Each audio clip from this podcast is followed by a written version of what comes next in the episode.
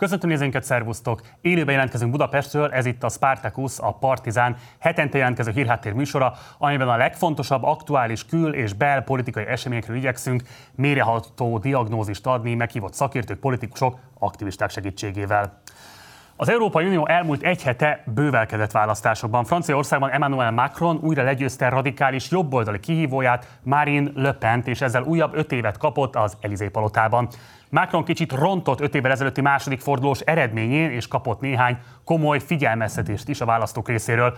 A rá szavazók 42%-át például inkább motiválta Löpen elutasítása, mint a regnáló elnök politikai teljesítménye, és a Löpen szavazók között is megduplázódott azok aránya, akiket Macronnal szembeni ellenszem sarkalt arra, hogy a szélsőjobbos jelöltre szavazzon. Vagyis Macron politikájának elmúlt öt évben tapasztalt jobbratolódása egyre intenzívebben megosztó figurává tette őt.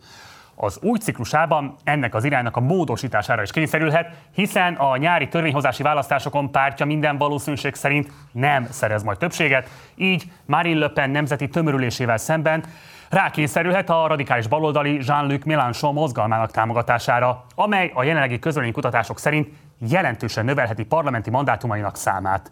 A francia 5. köztársaság ugyanis komoly végrehajtói, kormányzati jogköröket ruház a mindenkori államfőre, ám ez csak akkor működik, ha a parlamentben is képes többséget maga mögé állítani.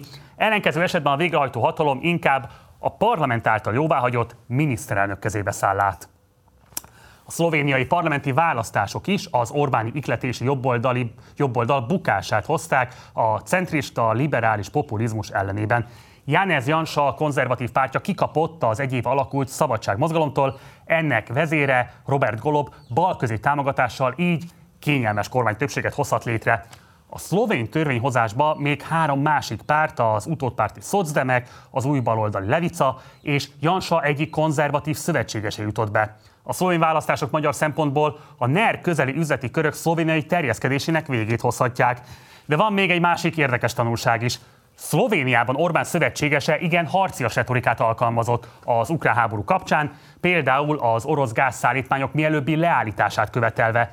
Eközben Golobék sokkal kétértelműbb, kompromisszumosabb álláspontot képviseltek a putyini agresszió kapcsán, és minden jel szerint ebben a szlovén szavazó polgárok is inkább velük értettek egyet. Úgy látszik tehát, hogy régiónkban a háborús választás, a háború választási hatása nem annyira az épp aktuális vezetők körüli összezárás, hanem a pragmatikusabb, konfliktus kerülő külpolitika előtérbe kerülése, független attól, hogy azt a kormányon levők vagy az ellenzékiek képviselik. A választások körüli felfordulás még itthon sem futott ki teljesen. Az ellenzéki politikát épp a parlament alakuló ülésén való részvétel, illetve a különböző bizottsági pozíciók felvételének, fel nem vételének kérdése borzolta. A kérdés kiválóan alkalmas arra, hogy az egyes ellenzéki szereplők különböző morális pozíciókat rajzoljanak ki maguknak, és egymással szemben bizonygassák, hogy ők a legkategorikusabban Orbán ellenesek, nem pedig a másik párt. A baj csak az, hogy ez az egész vita teljesen köldöknéző, és ahelyett, hogy politikai, stratégiai szempontból vetődne fel, meddő moralizálgatásba süllyed. Kiválóan például ezt a Momentum friss frakcióvezetőjének Fekete Győr Andrásnak az esete, aki jelezte, hogy a Momentumos képviselők nem mennek el az országgyűlés alakul ülésére, amelyen például a bizottsági helyek elosztásáról is formálisan szavaznának a képviselők. Viszont a Momentum is igényt tart bizottsági tisztségekre, és részt is, részt is vett az alakuló ülést előkészítő tárgyalásokon. Fekete Győr így egy könnyen előre látható zsákutcába lavírozta a pártot, amelynek következetes kommunikációja a szükséges lépéseket előzetesen nem gondolta végig. Az ilyen ellenzékieskedő gesztus politizálás ráadásul szembe megy épp azokkal az irányelvekkel, amelyeket a párt elnöke Donátana fektetett le a Magyar Hangon publikált cikkében, amely többek között épp az ilyen típusú, társadalomtól elszakadt, ellenzéki, kemény magra optimalizált, szimbolikus politizálásnak üzent hadat. Azon a héten, amikor 1000 forint fölött van a paradicsom kilója, amikor az infláció mértékét már a jegybank is a rekordmagas 9%-ra tagsálja, amikor a Tungsgram dacára az alig kettő évvel ezelőtti több mint 100 milliárdos kormányzati támogatásának már most leépítéseket tervez a nyárra, és a sort még hosszan lehetne folytatnunk, szóval egy ilyen éles válságokkal már most erősen terhelt időszakban, mintha volna érdemű képviselni való, mint az a kérdéskör, amiben Fekete Győr és az ellenzéki pártok belelavírozták magukat. A héten Csányi Sándor is rá nem jellemző módon kritika alá vette a kormánypolitikát, mégpedig annak egyik sarokkövét, a rezsicsökkentést. Csányi úgy fogalmazott, a lakosságnak és a vállalkozásoknak is érezniük kellene a valós rezsiterheket, hogy spóroljanak. Ez egyébként ugyanaz az érv, amely miatt a kormány propaganda Márkizai Pétert támadta a kampány során. Első ránézésre ez a piaci érvelés persze logikusnak hangzik, főleg ha valaki a klímaváltozás ügyét is a szívén viseli. Csak épp az a baj, hogy teljesen nélkülözi a magyar és közép-európai realitások ismeretét. Miközben egy átlagos német polgár jövedelmének kb. 9%-át költi rezsire, addig egy átlagos közép-kelet-európai rezsiköltsége a jövedelmének akár a 20-25%-át is elviheti éves szinten. Szóval már így is jelentős tereket jelent ez a tétel. Ennek további emelkedése valószínűleg háztartások 10 és százezreinek okoznak komoly egzisztenciális nehézséget. Amin valójában el kell gondolkodni, az az ilyen típusú rezsitámogatások szegmentálása. A nagyvállalatok és a magas jövedelmű háztartások kivétel a rezsicsökkentés alól, illetve az átlagkeresetűek és a szegényebbek célzott, a jelenleginél is nagyobb mértékű támogatása. Ez persze szemben megy a Fidesz teljes politikájával. Nem meglepő tehát, hogy Csányi mondataira értelmes ellenérvek helyett csak egy épületes Dajcs másik posztra futotta. A kormány egyébként egy ideig még kitartani látszik a hatósági árak és ársapkák rendszere mellett. Orbán Viktor épp szerdán jelentette be, hogy július 1-ig fenntartják az üzemanyagra és a hat élelmiszer típusra vonatkozó árstoppot. A héten az is eldölt, hogy Elon Musk, a világ leggazdagabb embere, megveszi a Twittert. Az itthon kevésbé népszerű, de a világ többi részében sokkal többek által használt közösségi platform felvásárlása kapcsán sokan pánikba estek, amiatt, hogy majd Musk teret enged a különböző kirekesztő nézeteknek, álhíreknek és összeesküvés elméleteknek. Mások viszont a szólásszabadság visszatéréseként ünnepelték az ügyletet, ahogy például Varga Judit magyar igazságügyi miniszter is tette.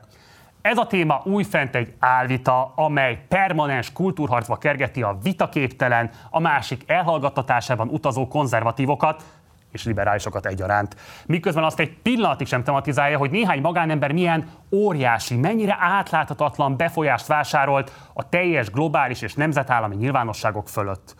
Hogy ez épp a trumpista Musk, vagy épp a Vogue Zuckerberg, az édes mindegy. A probléma mindkettejük ellenőrizhetetlen hatalma.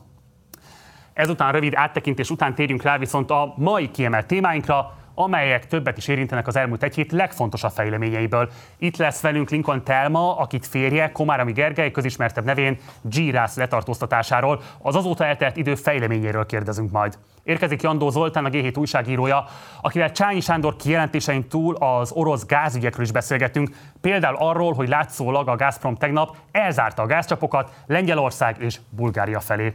Első témánk azonban a belpolitikát és a negyedik kétharmad utáni ellenzéki útkeresést érinti. Itt van velünk Ungár Péter, az LMP és Tordai Bence, a párbeszéd képviselője, akik az elmúlt napokban a sajton keresztül kisebb szóváltásból is keveredtek különböző a rendszerkritikus politika előtt álló stratégiai dilemmák kapcsán. Üdvözlök is benteket a stúdióban, szervusztok, és köszönjük, elfogadtátok a meghívást. Szia, jó estét! Jó estét kívánok! Kezdjük egy aktuális hírrel, mielőtt ráfordulunk a konkrét témánkra, ugyanis pont tegnap jött ki, hogy az Európai Bizottság ténylegesen meg fogja indítani jogállamisági mechanizmus Magyarországgal szemben, és annak ellenére, hogy az elmúlt években ez egy kiemelt ellenzéki téma volt, továbbra is úgy látszik, hogy ugyanazokkal a panelekkel reagál az ellenzék erre a lépésre, mint ahogy az korábban tette. Ez látszólag azért ellentmond az ellenzéki megújulás igényének, vagy vágyott igényének. Úgyhogy azt szeretném kérdezni tőletek, hogy szerintetek ez az egész helyzet most pontosan milyen reakciót követelne meg az ellenzéktől, hogyan volna adekvát erre megszólalnotok? Elsőként Péter. Én szeretnék egy dolgot megfogalmazni a kérdéseddel kapcsolatban, hogy az LMP szerintem ezzel kapcsolatban levonta a tanúságot, hiszen semmilyen módon nem reagáltunk erre a híre, és szerintem ez az adekvált helyzet. Tehát itt az N N plusz 1349. szappanopera rész van arról, hogy majd a saját belpolitikai érdekek miatt különböző Európai Uniós politikusok hogy fogják eladni azt, hogy majd valamit csinálnak Orbán Viktorral, amit értelemszerűen nem fognak csinálni, ezt a pénzt Magyarország meg fogja kapni, azért fogja megkapni, mert a német cégek többet visznek ki Magyarországról, mint amennyit az Európai Unió betesz, és ezek a német cégek kontrollálják mind a német kancellár, mint pedig a Ursula von der leyen akit amúgy egy teljesen átláthatatlan politikai mutyi keretében választotta meg, Angela Merkel Orbán Viktor közeli politikai szövetségese, tehát minket nem érdekel az, hogy ki tagja az Európai Néppártnak, ki nem, ki ellen milyen eljárás indul, és hogy az Európai Unió vezetése, ami Orbán Viktor szövetségese, az milyen különböző ilyen ö, nagy hangú közleményeket ad ki. Bence. Én nem tudom, hogy ki milyen paneleket mondott fel, azt mondom, hogy milyen cselekvést érdemes figyelni. Karácsony Gergely Budapest párbeszédes főpolgármestere ugye pont ezen a héten járt Brüsszelben, meg máshol Európában azért lobbizni, hogyha a Fidesz kormány nem is kap ilyen pénzeket, a magyar önkormányzatok azok viszont kapják meg a Magyarországnak járó forrásoknak legalább egy részét. Uh, nyilván nem lehet a magyar embereket büntetni, még akkor sem, hogyha sokan közülük a szavazatukkal támogattak. Nyilván nem emiatt, hanem ennek ellenére, vagy ezzel együtt egy olyan kormányt, ami szétlopja az Európai Uniós benne a magyar adófizetőknek a pénzét. Úgyhogy cselekvésre van szükség, panel felmondásra valószínűleg most kisebb elánnal vállalkoznánk mi is, és ezt javasolnám a többi kollégának is. Péter, elsőként akkor most hozzád fordulok a konkrét témákra már rátérve. Ugye te voltál az, aki talán legtöbbet nyilatkozott a választások óta arra vonatkozóan, hogy milyen típusú önvizsgálatnak lenne most itt az ideje, és kritizáltad Bencének azt a megnyilvánulását, miszerint már az LP választásokkal számolnának, mint esetlegesen egy olyan helyzetre, ahol önállóan is indulhat a párbeszéd. De miért ne például, amikor az LP választások bizonyos értelemben az önvizsgálatnak a terepe, abban az értelemben, hogy a pártok be tudják árazni saját magukat, meg tudják nézni azt, hogy mekkora társadalmi támogatottságuk van, és ennek az eredménynek a függvényében eldönteni azt, hogy milyen típusú szövetségi politikát folytatnak. Én nem azt mondom, hogy nem legitim, hogy valaki önállóan indul, vagy nem indul önállóan, csak én nekem abból van elegem, és szerintem a választópolgárok egy jelentős részének és az LNP közösségének mindenféleképpen abból elege van, hogy technikai válaszokat adunk tartalmi problémákra. Nem tudom megmondani, hogy ki milyen szövetségbe kivel kell elinduljon, hogy az ellenzék, vagy azok, akik az Orbánon kívüli világot képviselik, a lehető legnagyobb számba képviseltessék magukat, de talán ezelőtt azért, mert arról kéne beszélni, hogy a szánkkal mit szeretnénk mondani. És hogyha ugyanazt szeretnénk elmondani a kétmondatos posztokat a Facebook oldalon, hogy Orbán Viktor korrupt, és minden, ami nyugaton van, ez egy csodálatos dolog, és amúgy pedig már nagyon közel vagyunk ahhoz, hogy valami áttörés történjen. Tehát, hogyha ezeket ismételjük újra meg újra, akkor mindegy, hogy ki hogy indul, kivel köt szövetséget, mert a negyedik kétharmad tanúsága szerintem részben az, hogy itt tartalmilag van baj. A baj abban is van, amit mondott egy olyan ellenzéki csapat, és ebben mi is benne voltunk, és hibásak vagyunk abba, hogy, hogy bizonyos szempontból engedtük, bizonyos szempontból támogattuk is ilyen, ilyen rossz folyamatokat, de egy liberális, központú ellenzék tartalmi hibáit nem lehet technikai módon megoldani. Mit gondolsz ezekről a tartalmi kérdésekről, Bence? Tehát mik lennek szerinted a legfontosabb állításai egy zöld rendszerkritikus politikai programnak? Tehát abból igaza van, vagy abban igaza van, hogy a formai kérdések azok következmények. Azért mondtam, hogy szerintem itt lenne az ideje, hogy a párbeszéd önállóan vigyen egy kampányt, mert így végre tudunk azokról a dolgokról beszélni, amikben azt hiszem, hogy rajtunk kívül más nem hisz ebben a politikai mezőben. Tehát Rajtatok alatt, bocs, a párbeszédet a párbeszéden, vagy kettőtöket együttesen? Azt hiszem a párbeszédet nyilván témánként változik. Mi egy zöld baloldali párt vagyunk, az LNP is egy zöld párt. De például... Nem baloldali? Bocsáss meg. Ezt majd ők megmondják, én nem akarom őket címkézni, majd ők minősítik magukat.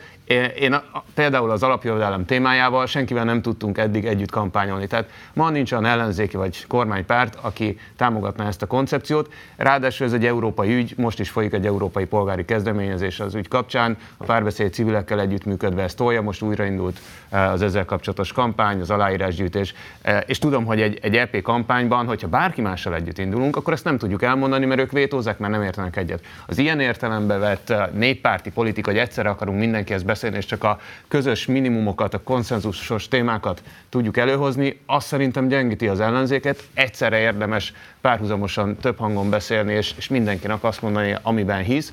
És hogyha ezek időnként keresztezik egymást, az egy izgalmas kérdés, de pont egy EP választás olyan lehetőség, ahol mindenki végre azt mondhatja, amiben valóban hisz.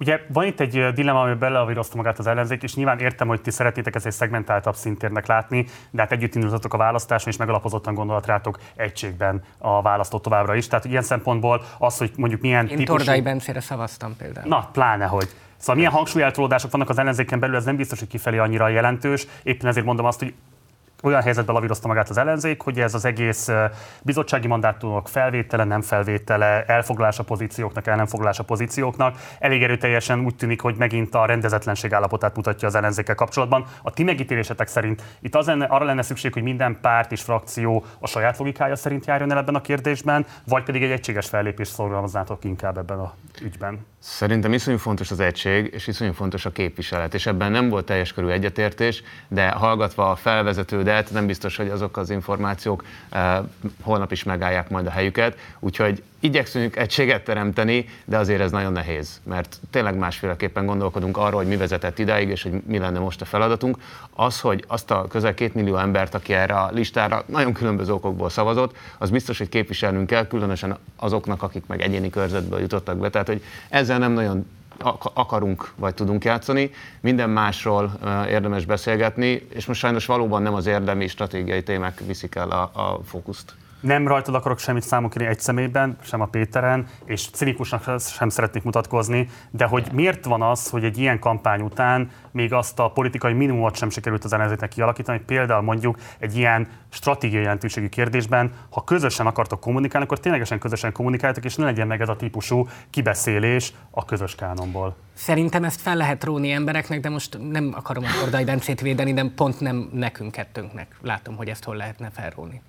Jó, és akkor hol kell fölróni ezt a kérdést? Ezt, erre viszont nem fogok válaszolni. Jó, De egységesen tud. kell fölépni ebben a kérdésben, hogy milyen tisztségeket tölt be az ellenzék a parlamentben, vagy menjenek mindenki a saját feje után? Szerintem lehetett volna ebbe egységesen fellépni, de nem az a ö, helyzet alakult ki, hogy erre bármilyen lehetőség legyen. Tordai Bence azt vetette föl, hogy nem teljesen biztos, hogyha jól értettem a fogalmazás módjából abban, hogy az LMP például baloldali párt lenne, a párbeszédre zöld baloldali pártként hivatkozott. Te hogy hivatkozol az LMP-re? Az LMP Magyarország zöld pártja, van a két párt között egy, szerintem vannak amúgy gondolatiságban különbségek, és szerintem nem baj, ha erről beszélünk, mert abban egyetértek Bencével egyértelműen, hogy talán most eljött annak az ideje, hogy gondolatokról beszélgetünk egymással, és szerintem ez, ez jót, jót tesz a politikának alapvetően. Tehát a mi szakadásunkban, és most nem akarok ilyen pártörténeti dolgokra utalni, voltak taktikai dolgok, és azok voltak nagy rész, de voltak a globális centrumhoz, Nyugat-Európához, az identitáspolitikához fűződő viszonyban különbségek. Voltak azzal kapcsolatban különbségek, hogy én nekem az a kritikám velük szembe, hogy ők nagyon sokszor úgy képzelik el szerintem a zöld politikát, és most próbálom nagy tisztelettel megfogalmazni, hogy mondanak valamit a holland zöldek, és annak a copy paste megáll Magyarországon. Tehát én ö, a magyar kontextuson kívülinek érzem. Ők meg azt gondolják, és ez így volt régen, hogy mi, ezt mondjuk rám nézve picit fura, de tényleg vannak ilyen gondolataim,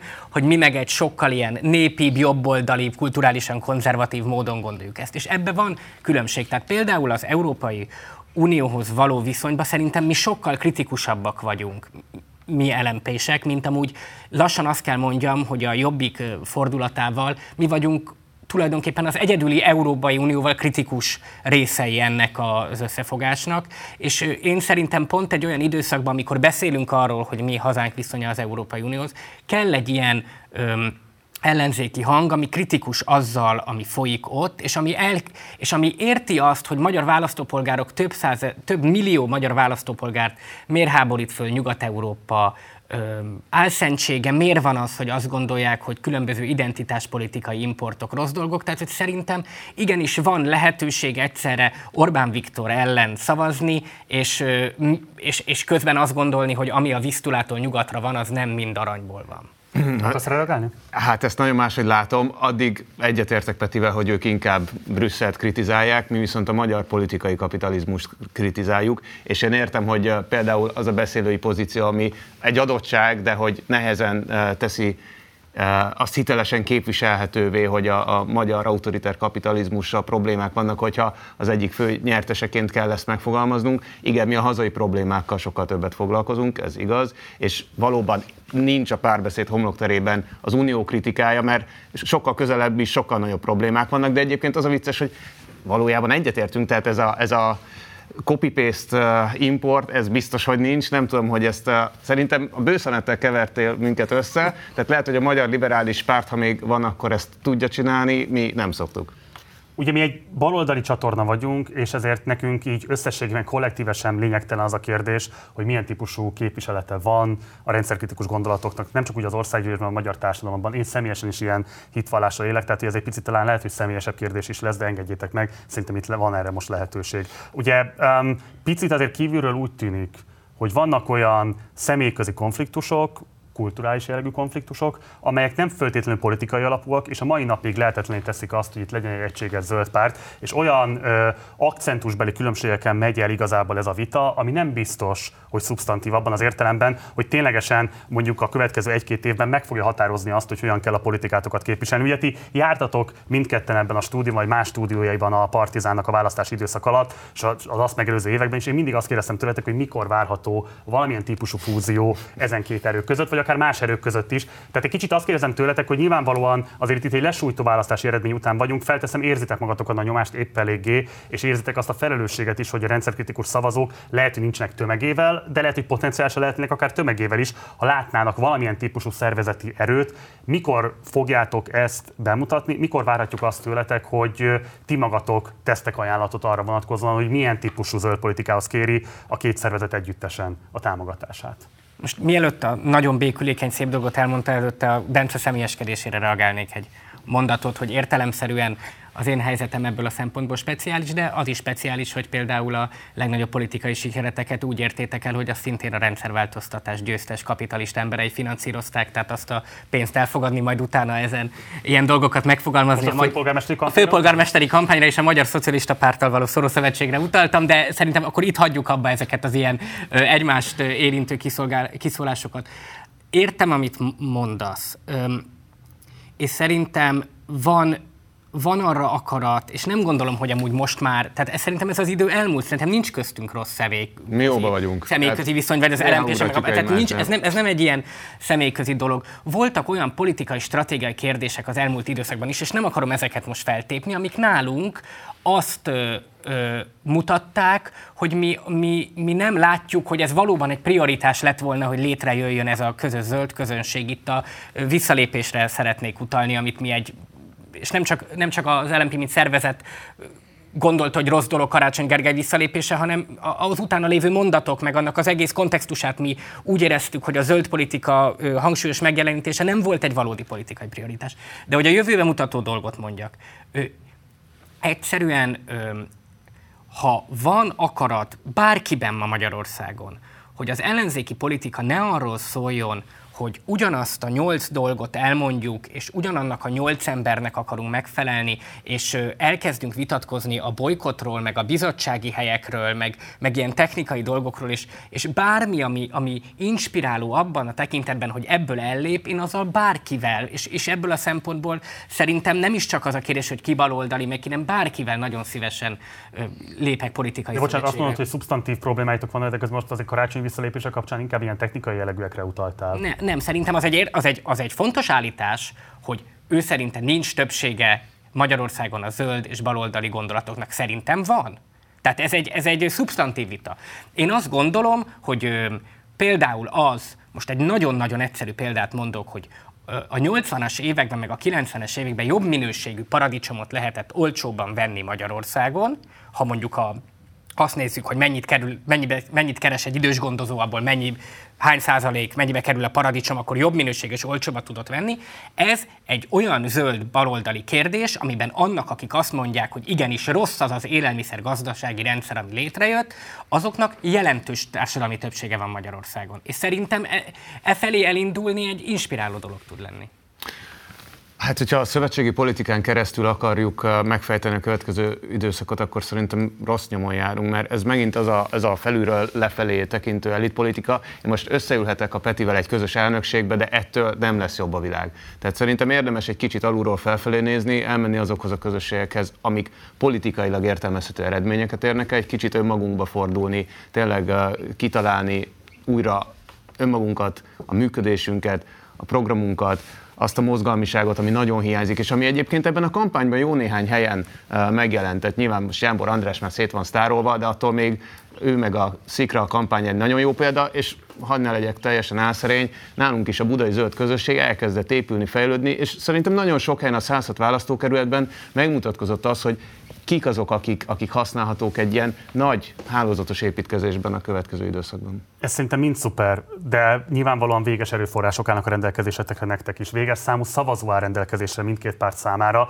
és ahogyan egyébként feltehetően látjuk most már, hogy nincs olyan, hogy kiábrándult Fideszes, felteszem, van olyan, hogy kiábrándult baloldali. Igen. Hova húzza a boksát ma egy baloldali szavazó, ha azt látja, hogy még egyébként a két karakteresen baloldalinak mondott párt kérdésében sincs egyébként egyetértés, hogy ez szervezetileg mitől nem tud integránsan működni, mit, mitől nem tud egy sokkal szorosabb szövetségrendszerben működni, tehát hogy milyen típusú motivációt érezze magában egy baloldali szavazó, ha rátok és ezekre a dilemmákra néz, amiket itt most elővezettetek. Szerintem most nem kell sehol behúzni az X-et, és ez nem egy olyan nagyon nagy baj. A, az ellenzéki szavazók jelentős hányada már semmilyen párttal uh, nem érez szerintem most közösséget ezekben a hetekben ellenzéki megmaradt, mert nyilván a rendszerhez továbbra is ugyanúgy viszonyul, mint eddig, de, de szerintem az a, az a következő időszak kérdése, hogy uh, tud-e bárki olyan alternatívát megfogalmazni, a hitelesen felépíteni, annyira sok embert elérni helyben, hogy összejön a kritikus tömeg, akár csak, akár csak egy-egy választókerületben, kisvárosban, kerületben, akárhol. A párbeszéd eddig gyakorlatilag pilot projekteket csinált, tehát hogy most volt hat körzetünk az egész választáson, ebből négyet megnyertünk, tehát hogyha mindenki így hozta volna ilyen arányba, akkor lenne 70 egyéni győzelmi. Én elegánsabban fogalmazni. De hogy az, hogy oké, okay, azt akarom mondani, hogy kicsiben építkezünk, és nem lehet szintet ugrani, hanem lehet további kis projekteket beindítani, ha ezek sikeres sikeresek, és ezek összeérnek, akkor szerintem a nap végén tök mindegy, hogy ott egy LMP tag képviselőjelölt lesz, egy párbeszédtag képviselőjelölt, vagy egy szocialista képviselőjelölt. Na jó, térjünk rá akkor a szubstantív kérdésekre még tovább is. Ugye részben Stumpf András neked válaszolva írta meg a válaszolnályon a cikkét arra vonatkozóan, hogy milyen típusú fogságbeállítettsége van egyébként az ellenzéki diskurzusnak, és hogy van-e bármilyen típusú felelőssége a kormánytól független sajtónak abban, hogy milyen dinamikák határozzák meg az ellenzéket. Most dióhéjban mondom el, amit ő mond, nincs és alapvetően azt kéri számon, hogy miért nem a saját felelősségetekről beszéltek, hiszen ez nyilvánvalóan Márkizai Péter a ti jelöltetek volt, nem pedig ezek az orgánumoké. Én nagyon sok kritikát magamról tudomásul tudok venni, mégiscsak az, egy kis párba politizálok lassan 12 éve, tehát ennek volt tere. Szerintem a mi politikai közösségünk élt önkritikával, tehát nagyon sok mindent elrontottunk. Én személyesen is rendkívül sok szempontból rossz kompromisszumokat is kötöttem az utóbbi időszakban az ellenzéki összefogás oltárán, tehát nem gondolom, hogy jó helyeken voltam kemény, és jó helyeken voltam puha, és ezt próbálom magam szempontjából levonni, de azért azt, tehát, azt tehát, le, tehát lehessen már a nagy kritika, ez egy nagyon nagy kritikai mondandóm, ami alapvetően magunkról és a politikusokra vonatkozott egy fél mondat. Tehát igenis van, és ebből nem fogok tágítani akkor sem, hogyha majd még egy cikk születik, vannak a liberális értelmiségben olyan emberek, akik tényleg a Kón bácsi és a ö, libák viccével vannak, hogy a libák már rég meghaltak, leszavaztak a Fideszre, már negyedik kétharmad van, de van egy újabb ötletük, és egy újabb ötletük, és semmilyen önreflexió, nem hogy önreflexió, az önreflexió gondolatától is fölháborodott. Akkor ide hadd kérdezek valamit, ennek van-e valódi jelentőség, azon kívül, hogy irritálóan hat rád, van-e valóban egyébként érdemi politika formáló jelentőség annak, hogy emberek a Facebookon mit írnak ki, és néhány százan, adott esetben néhány ezeren ezt belájkolják? Ö, van, ugyanis ö, a Magyarországon akkor, ha lehet egyet mondani, szerintem a baloldalnak mi volt az egyik problémája. A magyar baloldalnak az egyik problémája az volt mindig, hogy nem volt önbecsülése. És ezért egy ilyen szuperego-szerűen magára erőltetett mindig egy kis liberális klubot, egy időben azzal viccelődtem a szocialistákkal, hogy ez a párbeszéd volt egy időben, magára erőltetett egy, egy kis liberális klubot, hogy így a saját önbecsülésének a hiányát tudja ezzel palástolni. Szerintem ennek kell véget vetni. Tehát igenis oké okay az, hogyha valaki azt gondolja, hogy jó az újraelosztás. És igenis, ez az ember, mi, mi azt gondoljuk, hogy jó az újraelosztás, és azt gondoljuk, hogy ezért mi nem tud olyan lenni semmilyen szinten, hogy nekünk egy összefogásba Bokros Lajosra jelöltünk. Ez egy, most ez egy pozitívum volt nektek. Köszönöm, igen. Ez, egy, ez, ez volt az elismerő. Mögé még mi se álltunk Így be, van. ugye ezt De, És ez azt jelenti, hogy mi a Márkizai Péter, ha egy nagy népfront politika keretén megválasztották, mint hogy megtörtént, értelemszerűen támogatjuk. De nekünk olyan, hogy, és akkor ez meg a kritika része a Bokros Lajos mellett, hogy mi kiadunk egy közleményt, hogy mi egy neoliberális, neoliberális jelöltnek a zöld politikai elképzeléseit támogatjuk, ez meg szerintem nem lehet. Jó, szerintem 2014 nem menjünk most vissza, hogy jól ez nem, ez most már, ez, nem, nem, nem, nem, ez most már egyel később. Tehát hogy azt akarom mondani, hogy a törpéből a kicsi jó. Mi szeretjük az újraelosztást, szerintünk az olyan embereknek, mint nekem, sokkal nagyobb adóterhet kell fizetni, és ezeket kell visszaosztani a szociális transferekkel azért, hogy az idős gondozó sokkal többet keresen. Mi ebbe a világba hiszünk, és aki ezt gondolja, az szövetségesünk, aki nem ezt gondolja, ezt meg meg akarjuk győzni. Jó, másként teszem fel a kérdést, ugye részben Hont András is felvetette ezt, Puzsé Robert is felvetette ezt, hogy valóban van egy olyan duruzsoló értelmiségi nyilvánosság, amely folyamatosan vakvágányra tereli az ellenzéki politizálást. Bár részben lehet, hogy fölvethető az a kritika is, hogy ez is egy típusú duruzsoló értelmiségi magatartás, amikor ezek a kritikák megfogalmazódnak. Szóval szerintem nagyon fontos kérdés, hogy a ti megfogalmazásotokban igazából mi az autentikus és mi a nem autentikus értelmiségi megszólalás a politizálást illetően. Szerintem a politikusnak abban van felelőssége, hogy mi az, amire reagál, és mi az, amire nem. Tehát, hogy jöhetnek szembe a Facebookon mindenféle csodálatos kommentek vagy posztok, de nem kötelező nekünk azzal bármit kezdenünk. Az a mi választásunk, hogy mi az, amire válaszciket írunk. Ahol nincs választás, hogyha leül az ember egy interjúra, és feltesznek neki egy kérdést, az alól azért nem illik teljes egészében kibújni, és nem nagyon válogatnék a között, hogy, hogy a független médiának, mely munkatársának adok és nem adok interjút. Tehát nyilván a kérdések szintjéig van felelőssége az újságírónak, mint véleményformálónak.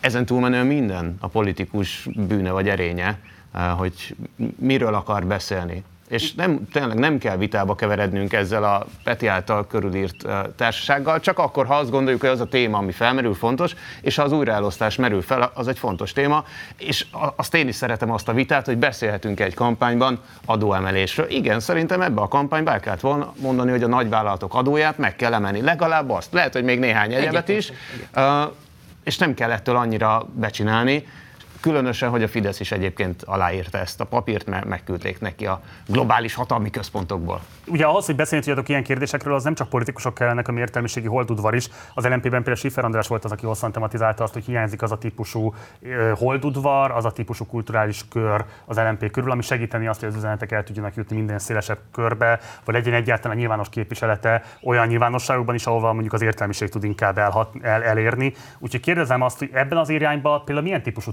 tervekkel készültek a következő négy évre. Ez látványosan hiányzik a rendszerkritikus baloldal körül, de hát látványosan hiányzik a ti pártjaitok környékéről is. Hogyan lehet ezt a típusú építkezést megkezdeni? Egyáltalán kell-e szerintetek? Én nekem volt egy, nemrég egy a Spritz kocsmába szombathelyen egy találkozásom azokkal az emberekkel, akik alapvetően egy jelentős részük olyan, aki csalódott ellenzéki választó, vagy aktivistaként is részt vett. És ott azt mondták, hogy az egész, és, és ebben a szempontból kell szerintem nekünk rájönnünk valamire, amire Fidesz rájött. Tehát az, amiről beszélsz részben, lehet, hogy félreértettem, hogy mondjuk szombathelyen a, ö, van, van egy olyan jellegű helyi értelmiség, ez most is megvan, hogy akik a Városi Múzeumban, az Izeumban dolgoznak, meg itt dolgoznak, ott dolgoznak, ilyen különböző kulturálisan magas presztízsű helyekbe, azok így befolyásolják azokat a szavazókat, akiknek nem nagyon van már így. Az egész, a demokra- az információ demokratizálásával ezek a fajta ilyen föntről lefelé lévő dolgok, én szombathelyen ezt vettem észre, ez teljesen megváltozott. Ennek szerintem úgy sok negatívuma is van. Például az egész koronavírus járvány kapcsán kialakult nagyon radikális vita, meg a, hogy milyen információkat fogadunk el itt a igaznak, ez részben emiatt lett így. És én azt gondolom, hogy vissza kell térni sok szempontból azokra klasszikus dolgokra, és ez nem a lemegyünk vidékre, mert ha van mondat, ami a negyedik kétharmad után, ha már az én lelki frusztrációiról beszélünk, jelentős lelki frusztrációt okoz az a lemegyünk vidékre, hiszen mégis elvesztettem vidéken egy választást, tehát rendkívül értek hozzá. De tehát azok az egészen egyszerű dolgok, hogy a, igenis a kocsmában ott vagyunk, és meghallgatjuk és megbeszéljük velük, ezekkel az emberekkel azt, hogy miért gondolják azt, hogy minden média hazudik, és megpróbáljuk megérdeni, hogy miért gondolják azt, hogy ezek a régi, kialakult körök már megszűntek, és szerintem inkább e- erre kell ebben, ebben reagálni. Én azért nem engedném el teljesen az értelmiségi holdudvar gondolatát, lehet, hogy az én terhetségem az oka, és szerintem van is ilyen még, hogyha nyilván ezeknek az embereknek a jelentős része nem is pártokhoz identifikálja magát, bár én nagyon örülök annak, hogy van nálunk egy Bütül Ferenc, vagy egy Sherin Gábor, és folytathatnám még nem nagyon hosszan a sor, de majdnem ugyanazok a gondolatok jelennek meg abban az új és egyre erősebb baloldali közegben, ami szerintem mindenki olvassa, mércét és nézi a partizánt, és követi a, nem tudom, szolidáris gazdaság központtól a helyzet műhelyen keresztül a társadalom elméleti kollégium vagy a Zöld Frontnak a, a munkásságát. Tehát vannak gondolatok, nem ebben van a hiány, én azt gondolom. A transmisszió az, az valószínűleg sokkal nehezebb, és akkor megérkeztünk oda, amiről a Peti beszélt. Nem lesznek valószínűleg a következő néhány évben sem konkrétan magukat pártra rávarró holdudvarok. Szükséges lenne?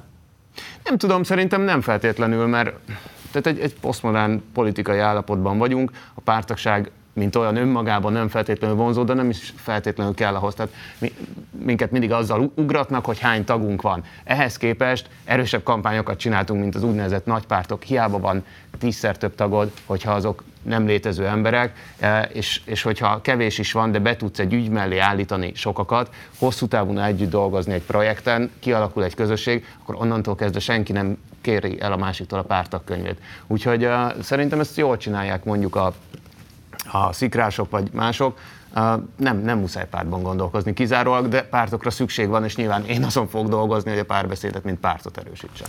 És akkor záró kérdés hozzátok. Bejutott a parlamentbe a mi hazánk, amit ugye az Egyesült Ellenzék sokáig azzal intézett el, hogy ez egy fiók szervezete a Fidesznek.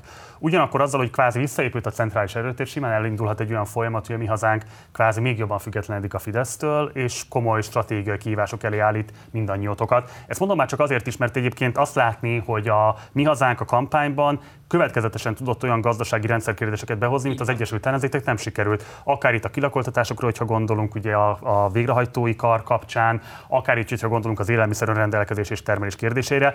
Most nyilvánvalóan nem akarok fölkaserolni itt egy szélsőjobboldali pártot, félreértés ne essék, de hát azért zavarba ejtő az a tény, hogy Torockai László szájából az újraelosztás és a, például a magasabb adókivetés kapcsán sokkal élesebb mondatokat lehet hallani, mint a rendszerkritikus pártok képviselőitől. Szóval kérdezem tőletek, szerintetek milyen viszonyra kell törekedni a mi hazánkkal a következő négy évben, ez milyen kihívások elé állít benneteket, Bence? Hát ezért ezt nagyon nem szeretném, hogyha a langinácik balról előznének minket, úgyhogy már csak ezért is kell egy önazonos politika, és szerintem erre képesek vagyunk azért itt néhányan a, a nem Fidesztől jobbra álló ellenzéki oldalon, úgyhogy ezt meg fogjuk csinálni. Ahhoz a vitához baromira nincs kedvem, de kénytelenek leszünk lejátszani, hogy most karantén vagy nem karantén, köszönünk nekik vagy nem, kezet fogunk vagy nem, beülünk együtt egy stúdióba vagy nem. Rosszabbnál rosszabb megoldások vannak, és egyszerűen... Akkor ez meg egy dilemma, tehát erre nincsen még kész álláspontja a párbeszédnek?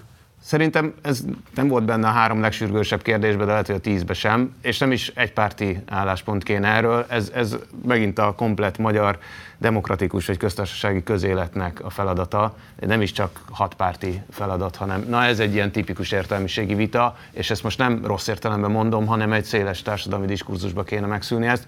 Bár mondom, nem örülök, hogyha ezzel foglalkozunk, mert vannak ennél, fontosabb dolgok, olyasmik, amikkel az ő szavazóik, akik viszont nem nácik túlnyomó többségében, hanem például olyanok, akik meghallották azt, hogy a lezárások idején ők voltak azok, akik először, vagy talán a leghangosabban mondták azt, hogy kárpótolni kéne a kis boltosokat, a kis vendéglátóipari egységek tulajdonosai, dolgozóit, és tovább. Tehát, hogy ezeket a témákat egyszerűen visszavenni, nem hagyni, hogy, hogy egy ilyen egyébként embertelen és szolidárisan érzéketlen, és nem, um, hogy is mondjam, abba a minősítő jelzőket, szóval hogy ez a, ez a társaság uh, uralja ezt a kérdéskört, jobban kell csinálni, és, és el kell szívni előlük a levegőt. Péter. Szerintem, hogyha a, az ellenzék, vagy azok, akik egy listán indultak, mindegyike a globális elit oldalán lesz minden kérdésbe az ezzel szemben lévő frusztrációval, akkor a mi hazánk erősödni fog a mi hazánk olyan kérdéseket vetett föl, amiket föl kellett vetni. Az agrár programjában például volt merszük velünk ellentétben a nagybirtokrendszert erőteljesen kritizálni, ez számomra egy rendkívül szomorú dolog, és én azt gondolom, hogy úgy lehet ellenük valójában küzdeni, hogy azt a rendkívül jogos frusztráció amit nagyon sok olyan ember érez, akinek az elmúlt 30 évben csak rosszabb és rosszabb lett a gazdasági helyzete, azt megpróbáljuk mi kanalizálni, és nem pedig morálisan kioktatjuk azokat, akik ezek után a mi hazánkra szavaztak. Szerintem itt ez az út előre, illetve az LMP ilyen ebbe az ilyen kordon szaniter, zárjuk őket karanténba nem szeretné részt venni, mert részben a 90-es évek elmúlt, bár a divatja visszatért a ruházatban, mert mi szoktunk ilyen kérdésekről beszélni. Illetve a másik, hogy a, ugye a jobbikkal szembeni karantén egy dolgot eredményezett, egy 20%-os jobbikot, tehát talán ebből le, illene levonni a következményeket, és amúgy örülök, hogy itt interjút adhatott Torockai László. Ungár Péter, Tordai Bence, köszönöm szépen, hogy eljöttetek, és gyertek, hogy máskor is. Köszönöm az interjút. Köszönöm a lehetőséget. Április 13-án 30 napra letartóztatták Komáromi Gíraz Gergely, ismert közéleti aktivistát, ligetvédőt. Az ügyészség egy 2017-es ligetvédő akció kapcsán vádolja csoportos garázdasággal az aktivistát. Mindjárt érkezik hozzánk Lincoln Telma, Komáromi felesége, akivel az ügy részleteit szeretnénk átbeszélni, de előtte nézzük meg egy rövid videós összefoglaló Giras elmúlt évekbeli aktivitásáról.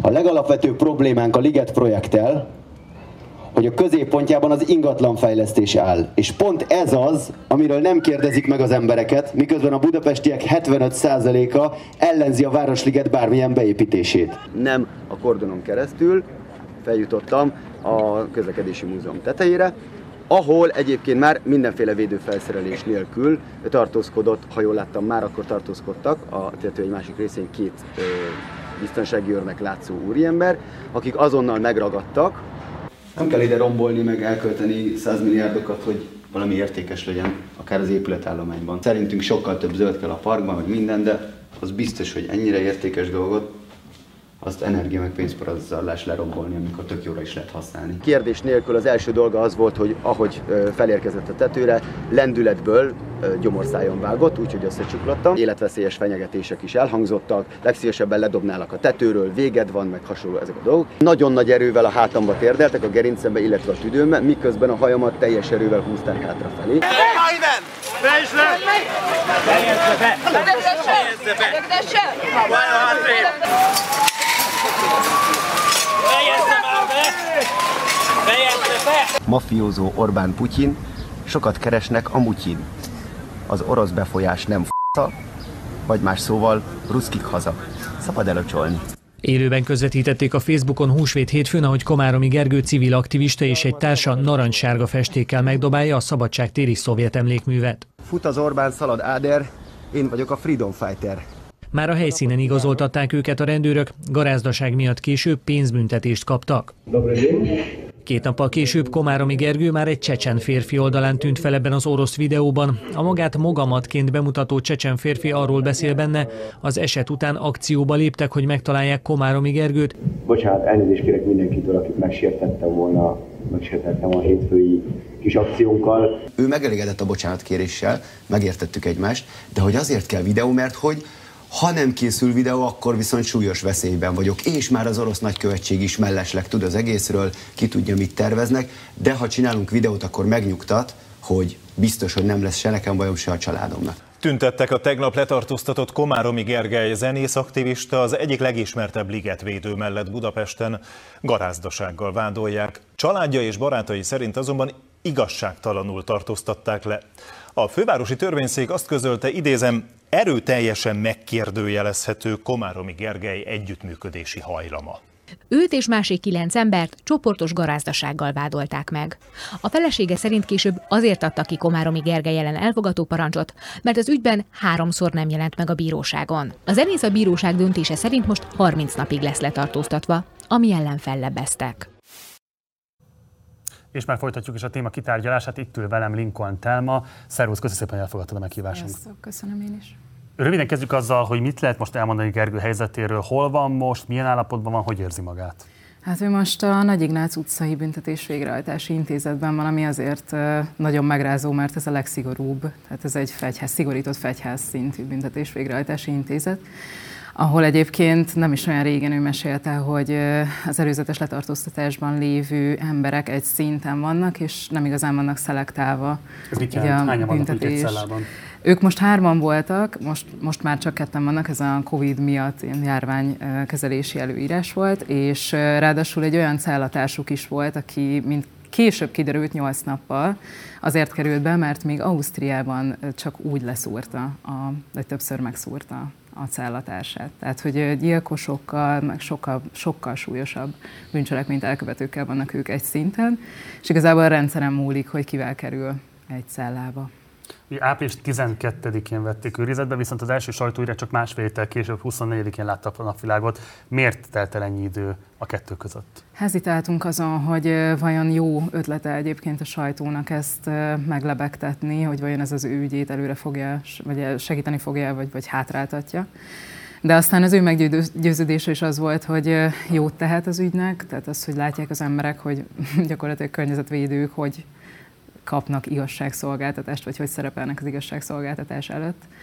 Illetve nyilván szeretnénk is azt tudni, most főleg így a választások, vagy szeretnénk is, hogyha tudnák az emberek főleg így a választások után, hogy gyakorlatilag mi zajlik, vagy mi, mi az, ami történhet ebben az országban. És akkor tényleg rá a konkrét ügyre, mi volt ez a konkrét esemény, ami miatt most igazából csoportos garázdasággal vádolják őt? Ez egy 2017-es kordonbontás volt. Ők több száz éves platánfákat próbáltak megóvni attól, hogy ki vágják gyakorlatilag őket. Ugye úgy szólt a a terv, hogy áthelyezik őket, nyilvánvalóan ez lehetetlen, és ahogy ez később ki is derült, ezek a fák el is pusztultak, tehát nem, nem maradtak életben. Az összes fa? Igen, mindegyik, amely, amelyiket már próbálták áthelyezni és ezeket a kordonokat, amik a fák köré voltak építve, próbálták ők, illetve meg is hajlították, le is szedték, akinek éppen sikerült, ebből indult ki az ügy. Ugye ez egy 2017-es ügy. Igen. Van-e tudomásatok arról, hogy igazából a bíróság miért várt ennyi ideig azzal, hogy ezt a vádelést megindítsa? Nem tudok róla, én azt gondolom, hogy ez a bürokrácia, ahogy zajlik, ez ilyen lassú. Tehát, hogy Tehát a vádelés nyilván korábban megtörtént, mert hogy miért kerül csak most bírósági szakaszba? Öt éve vagyunk az ügy után. Nem tudjuk, ezt nem tudjuk. Annyit tudunk, hogy eleve úgy indult az ügy, hogy nem volt tárgyalás, tehát ők már egy ítéletet kaptak mm. levélen, és ők kezdeményezték, hogy legyen tárgyalás, mert ezért ez így nem teljesen fair. Van-e szerinted ilyen kifejezetten politikai szál az ügyben a bíróság részéről, vagy ez tényleg egy administratív hiba abban az értelemben, hogy a bíróság leterhelt, nehezen működik, és így tovább, erőforrás hiányos? Nézd, azt gondolom, hogy az egész Liget projektnek van politikai vonzata nyilvánvalóan.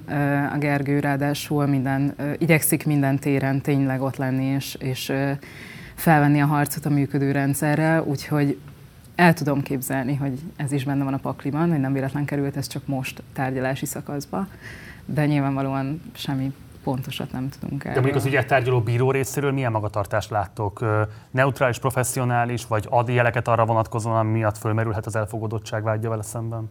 Én azt gondolom, hogy nyilvánvalóan az, hogy a Gergő már két tárgyalást kihagyott, egyébként igazoltan, tehát hogy ezt is visszamenőleg is igazolt a betegség miatt történt meg, és hogy a harmadik tárgyalás kihagyása kapcsán is igyekezett felvenni a kapcsolatot a bíróval, és úgy eljárni, hogy az valamilyen módon pozitívan végződjön. Ennek ellenére kapott egy előzetes letartóztatást, tehát valószínűleg a bíró annyira azért, vagy a bíróság annyira azért nem szimpatizál az ügyjel. Mi van most hátra? Mikor lesz a tárgyalás? Fellebeztetek nyilvánvalóan az előzetes behelyezés ellenében. Mekkora esély van annak, hogy kiengedik őt? A tárgyalás június 9-én lesz. Amennyire mi tudjuk, a bírói szándék az valószínűleg az, hogy június 9-én ő ott is marad, hogy biztosítva legyen az, hogy megjelenik a tárgyaláson. De mindenféleképpen 30 nap után van egy felülvizsgálat, tehát 30 nap után mindenféleképpen megnézik, hogy egyáltalán van-e annak még indokoltsága, hogy ő bent legyen. Mi ez ellen is fellebeztünk, tehát szeretnénk, hogyha 30 nap előtt ő már kikerülne, hiszen teljesen indokolatlan, hogy ő egy szigorított fegyházban üljön. És mi a védekezési taktikátok? Elismeri Gergő a csoportos garázdaság tényét, vagy a szabad véleménynyilvánítás jogára fog hivatkozni majd? Hát én azt gondolom, hogy a szabad véleménynyilvánítás jogára fog hivatkozni.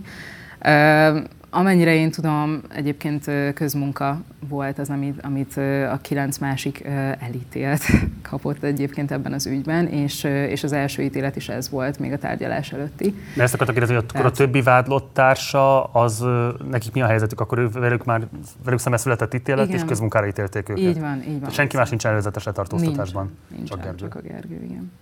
Mivel lehet segíteni az ügyét, milyen típusú támogatás vagy szolidaritást látnátok most szükségesnek? Én azt gondolom, hogy minél inkább terjedjen a hír, tehát hogy minél inkább szélesebb körben jusson el ez a hír, és, és így legyen látható az embereknek, hogy mi zajlik, vagy hogy gyakorlatilag miből mi lehet. Talán ez most a legnagyobb segítség, és ez, ez az, amit ő is kért, hogy próbáljuk ezt akár a nemzetközi médiába is kitolni. Nagyon sok segítséget kapunk egyébként, és támogatást, anyagit is, tényleg lelkit is, úgyhogy, úgyhogy ebben nincsen hiány, ez lenne most talán a legfontosabb. Van-e bármilyen petíció, bármilyen más típusú cselekvése lehetőség, hogy akik szimpatizálnak Gergő ügyével, és szeretnének aktívan mellé állni, hogy ezt megtehessék? Igen, már kommunikálunk a hanggal erről, hogy esetleg egy petíciót lehetne indítani, ennek a részleteit még meg kell beszélnünk, de szeretnénk valami ilyesmit mindenképpen. Telma, nagyon szépen köszönöm, hogy elfogadtad a meghívásunkat. A legjobbakat kívánjuk Gergőnek, hogy minél előbb engedjék el, és nyilvánvalóan én személyesen is, mint ligetvédő, a teljes szolidaritásomról biztosítom őt, és a Partizán egész közössége is szolidaritásáról biztosítja őt, úgyhogy a legjobbakat nektek. Köszönjük szépen! Folytatódik a műsorunk, már kedden is lehetett hallani róla híreszteléseket, de szerdán hivatalos megerősítés is nyert, hogy a Gazprom orosz energetikai vállalat leállította a földgáz szállítását Lengyelországnak és Bulgáriának. Ezzel a lépéssel újabb szintet lépett az uniós tagállamok és Oroszország közötti gazdasági konfliktus, amelyet Oroszország Ukrajna lerohanásával idézett elő könnyen előfordulhat, hogy az orosz földgáz esetleges szankcionálásáról két hónapja dönteni képtelen Európai Unió, így lépéskényszerbe került. Hogy pontosan lássuk, mennyire is jelentős a Gazprom lépése, és mire számíthatunk itt Magyarországon gázügyekben, arról Jandó Zoltán, a G7 újságírója fog majd válaszolni a kérdéseinkre, de előtte nézzünk meg egy gyors videós összefoglalót a témáról. Április 1-től az Oroszországgal szemben barátságtalannak minősített országoknak rubelben kell fizetniük az Oroszországból érkező gázért. Az erről szóló rendelet aláírását Vladimir Putyin az ukrajnai háború miatti nyugati szankciókkal indokolta. A Putyin által aláírt rendelet szerint a vásárlóknak az állami irányítású Gazprom banknál kell számlát nyitniuk. Elutasítják Vladimir Putyin orosz elnök követelését a G7 országok, miszerint az orosz gázért rubelben kellene fizetniük, jelentette be Berlinben a német energiaügyi miniszter. Minden G7 miniszter egyetértett abban, hogy ez a meglévő szerződések egyoldalú és egyértelmű megszegését jelenteni. Ismételte hangsúlyozzuk, hogy a megkötött szerződések érvényesek, és a cégeknek hűnek kell maradniuk a szerződésekhez. A magyar kormány az orosz gázimport fenntartását kulcsfontosságúnak tartja. Olyan engedményre is hajlandó, amit több uniós ország is elutasított. Nekünk nem okoz semmilyen nehézséget rubelben fizetni. Tehát ha az oroszok azt kérik, akkor rubelben fizetünk. Az orosz állami gáztársaság, a Gazprom kedden jelentette be, hogy szerdán reggel felfüggeszti a gázexportot Lengyelország és Bulgária felé is, miután sem Varsó, sem Szófia nem hajlandó mostantól rubelben fizetni. Lengyelország nem sokkal ezután közölte, hogy a következő egy évben fokozatosan leállítja az orosz szén, olaj és gáz importját. Annak ellenére, hogy most szénszükségletének több mint 20%-át, földgáz felhasználásának majdnem felét, kőolajimportjának pedig több mint 60%-át Oroszországból szerzi be. Bulgária esetében ez számunkra azért adott okot az aggodalomra, mert hogy a Magyarországra Oroszországból érkező földgáz mennyiség egy jelentős része a déli szállítási útvonalon érkezik, Ugye tegnapi eh, napon már a földgáz szolgáltató kapcsolatba lépett a bulgár transzgázzal, amely eh, a bulgáriai földgáz rendszer üzemeltetéséért felel. Akkor onnan azt a választ kaptuk, hogy a Bulgáriának szánt mennyiségek leállításától függetlenül a tranzit Bulgárián keresztül zavartalanul üzemel. A legutóbb néhány perce ellenőriztem, eh, akkor a szerződés szerinti mennyiség érkezett Magyarországra. És már is folytatjuk a téma további kitárgyalását. Itt ül velem a stúdióban Jandó Zoltán, a G7 újságírója. Szervusz, köszi, elfogadtad a meghívásomat. Szervusz, én is köszönöm. Kezdjük a trivialitásokkal. Mit jelent igazából a Gazprom bejelentése? A gázszállítások leállítása alapvetően annyit jelent, hogy ezek az országok nem kapnak közvetlenül a Gazpromtól orosz gázt, de hogy még ennyire sem feltétlenül egyszerű a dolog, mert hogy ugye a Lengyelországba érkező gázmennyiség az alapvetően nem elsősorban a Jamal vezetéken keresztül érkezett, ahol most ugye leállt a, a szerződés, illetve ugye Bulgáriába érkező gáz, ahogy ez ugye többször elhangzott, nem kizárólag, ami odaérkezik és ami ott kikerül a vezetékből, hanem ami tovább jön, ugye van egy tranzit mennyiség is. Ami nagyon fontos itt hangsúlyozni, hogy az a mennyiség, amit most leállítottak szállításban, az ugye európai viszonylatban elég marginális. Tehát ugye a Jamal vezetéken, ami ugye Oroszországból Lengyelországba, Fehér Oroszországon keresztül viszi a gázt. Ott az elmúlt hetekben már kifejezetten kevés mennyiség érkezett, ugye ezt nullázták most le. Ugye a lengyelek alapvetően ezt megelőzően is Németország irányából vásárolták, valószínűleg egyébként tényleg az orosz gázt, mert hogy ugye Németországból is orosz gáz érkezik. A bolgároknál pedig ugye náluk egy kicsit ez a helyzet kellemetlenebb, mert, mert ugye nekik nem nagyon van alternatív útvonaluk valóban, de ott pedig egy olyan megoldás lehet, amiről egyébként annyira sok szó sajnos eddig nem esett, de van a Gazpromnak az Európai Unióval egy olyan megállapodása versenyhatósági okokból, hogy meg, megtehetik azt, hogy közép-európai kereskedőkkel állapodik meg Bulgária, és közép-európai kereskedők veszik meg a Gazpromtól a gázt, amit oda szállítanak le. Tehát technikailag elképzelhető egy olyan megoldás, hogy pontosan ugyanúgy zajlik a folyamat, mint eddig, ugyanannyi gázt kapnak a bolgárok, mint eddig, csak nem közvetlenül a Gazpromtól a bolgár kereskedővállalat, vagy bolgár földgázipari vállalat vásárol, hanem közbeiktatnak egy közép-európai kereskedőt, aki megveszi és leszállítatja a Gazprommal oda a gázt. Hát technikailag, ami most történt, az egyelőre nagyon önmagában nagyon nagy aggodalomra nem feltétlenül ad, ad okot. Ez egyértelműen egy jelzés a Gazprom részéről arra, azokkal a, az országokkal szemben, ugye Lengyelország esetében, aki ellenséges bolgárok esetében, akiknél pedig először felmerült ez a, rubelben való fizetés történet, hogy igenis ők azt akarják, hogy rubelben érkezzen hozzájuk a... Hát, ez volt az alapvető vita, tehát a Gazprom ezzel indokolja, miért állította a gázszállítást, mert hogy nem akarják megteljesíteni ezt a típusú követelményt, amit Vladimir Putyin fogalmazott meg. De valójában miről szól igazából ez a vita? Hát, ugye alapvetően a, a vita az arról szól, hát a rubelben fizetésről szól, de ugye technikailag ez nem rubelben fizetés jelent közvetlenül a Gazpromnak, ezt ugye nem több okból sem lehetne megtenni. Egyrészt ugye a szankciók nem engednék, másrészt ugye ezért ezekben a szerződésekben kikötik azt, hogy milyen pénzemben kell fizetni, ezen egy oldalon a Gazprom nem változtathatna. Amit ugye kitaláltak az oroszok, az ugye azt jelenti, hogy a Gazprom bankba a vevők, az európai vevők elutálják euróban vagy dollárban a pénzt, azt ők szépen átváltják, átteszik egy másik számlára, és utána arra a másik számlára utálják el magának a Gazprom exportnak, ami ugye az exportot végzi. Ugye a méregfog az egésznek ott van, hogy az a másik számla, ahova Ruberbe átkerül a pénz, az is a vevőnek a nevén van. És innentől kezdve ugye az oroszok mondhatják azt, hogy a vevőnek a számlájáról érkezik rubelben a pénz, hogy a vevő utalt, az európai vevők pedig keretezhetik úgy, ahogy éppen szeretnék, hogyha azt akarják mondani, hogy mi euróban fizetünk, és azt ők megoldják az átváltást, ahogy ugye tette Szijjártó Péter, akkor mondhatják ezt. Ha pedig nem akarják, mert azt gondolják, hogy ez rubelben fizetésnek számít, és inkább azt mondják, hogy nem fizetnek így, majd ugye a Gazprom leállítja a szállításokat, ami egyébként az én értelmezésemben szerződésszegés, de ezt majd a nemzetközi jogászok eldöntik, akkor mondhatják azt, amit a lengyelek, hogy már pedig a Gazprom zsarolja őket, ami valószínűleg egyébként szintén helytálló. Ugye Szijjártó Péter a bejátszóban is úgy fogalmazott, hogy Magyarországot ez a típusú gázszállítás felfüggesztés nem érinti, mert hogy mi teljesítjük ezt a típusú követelményt,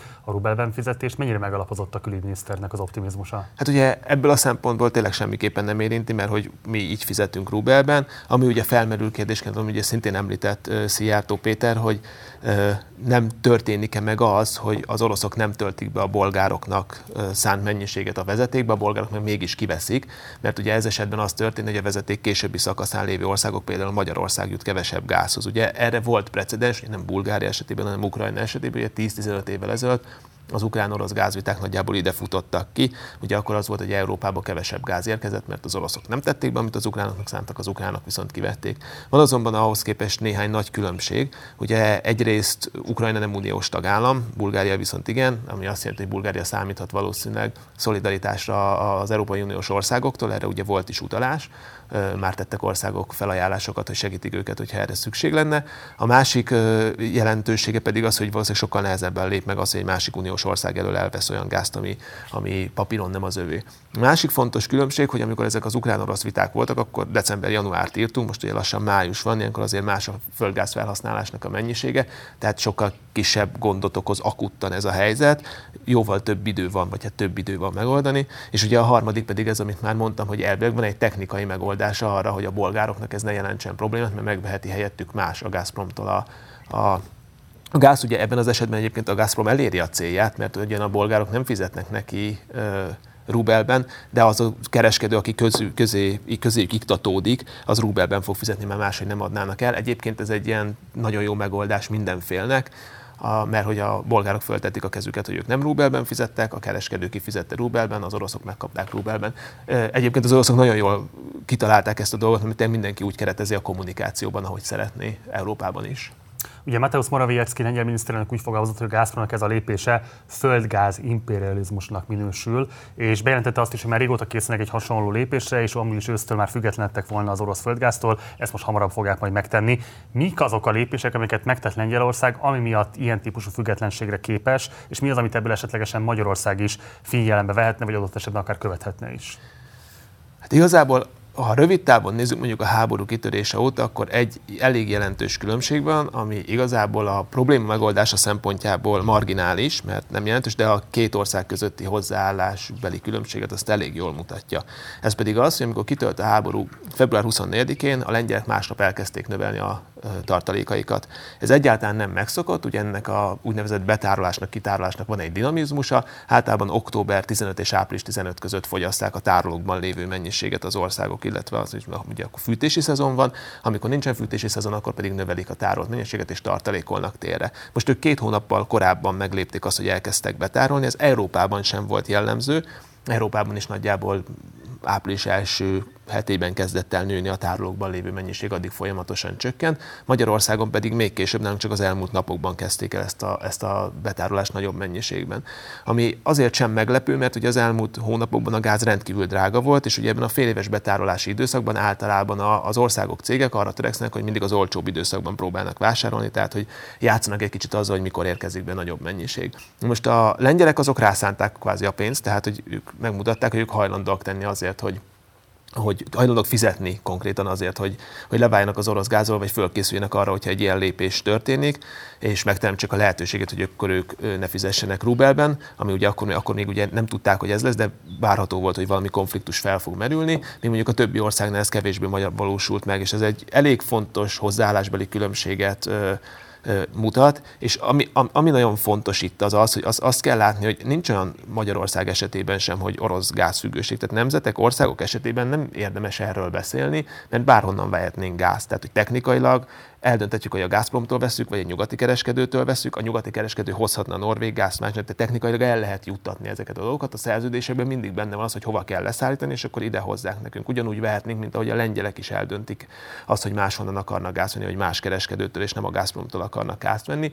Ugye a probléma az, hogy európai szintű gázfüggőség van, tehát hogyha mindenki úgy dönt, hogy akkor az orosz gázt kizárja, akkor viszont egy olyan helyzet fog kialakulni, hogy az egyéb forrásból érkező gázokért, gáz, különböző földgáz források forrásokért elkezdenek küzdeni az európai vevők, ami nagyon fölhajtja az árakat, másrészt pedig ugye hiány lesz, mert egyébként nem lesz elegendő a gáz.